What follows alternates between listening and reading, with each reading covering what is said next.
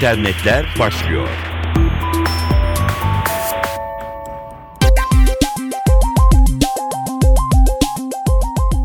Merhaba, dijital dünyadan öne çıkan gelişmeleri aktaracağız. Mikrofonda Dilara Eldaş.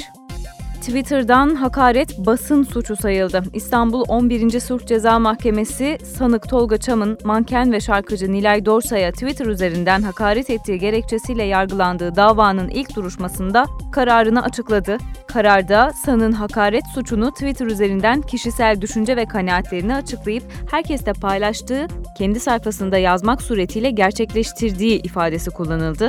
Dava ertelendi ve karar verildiği tarihten itibaren 3 yıl içinde adli para cezasını ya da üst sınırını 5 yıldan fazla olmayan hapis cezasını gerektiren bir suç işlememesi halinde sanığın davanın düşeceği belirtildi. İlk kararsa Türk Ceza Kanunu kapsamında verilmişti. Mahkeme 15 Şubat'ta Twitter üzerinden Nilay Dorsay'a tehditte bulunduğu gerekçesiyle bir sanığı 5 ay hapis ve hakaret suçundan da 1500 lira para cezasına çarptırmış, hükmün açıklanmasını da 5 yıllık denetim serbestlik şartıyla geri bırakmıştı.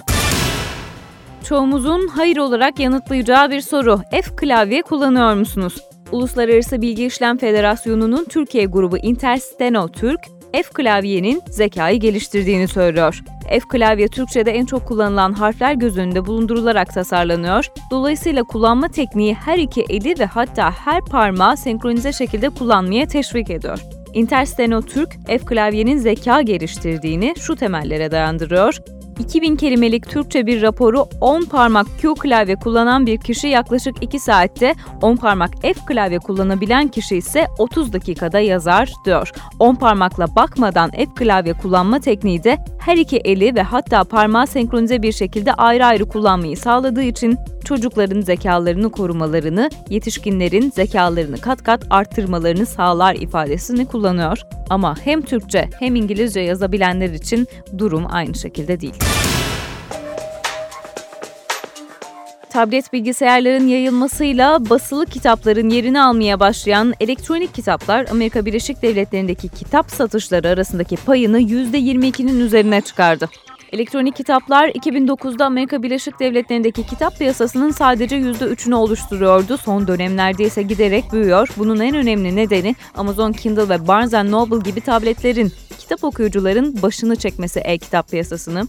Amerikan Yayıncılar Derneği'nin açıkladığı verilere göre e-kitaplar 2012'de gerçekleşen kitap satışlarının %22,5'una ulaştı bile. ABD'deki kitap sektörünün 2012'deki toplam geliri 7.1 milyar dolara yükseldi. Bu rakamın 2 milyar doları e-kitaplardan geldi. İnternetten indirilen sesli kitaplar ve ciltsiz kitapların satışında da önemli bir artış yakalandı. Pew Araştırma Merkezi'nin verilerine göre Amerika Birleşik Devletleri'nde son bir yıl içinde sadece yetişkinlerin %21'i en az bir elektronik kitap okudu.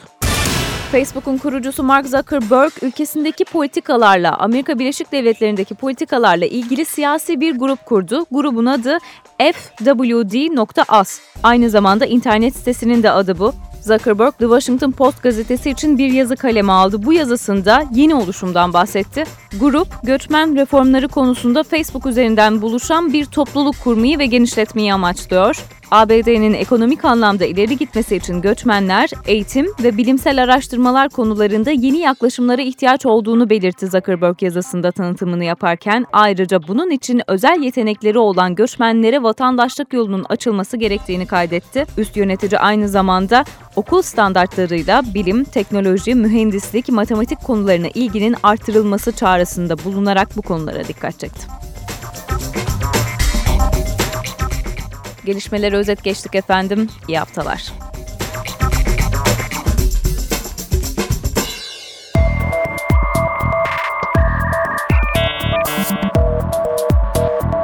İnternetler sona erdi.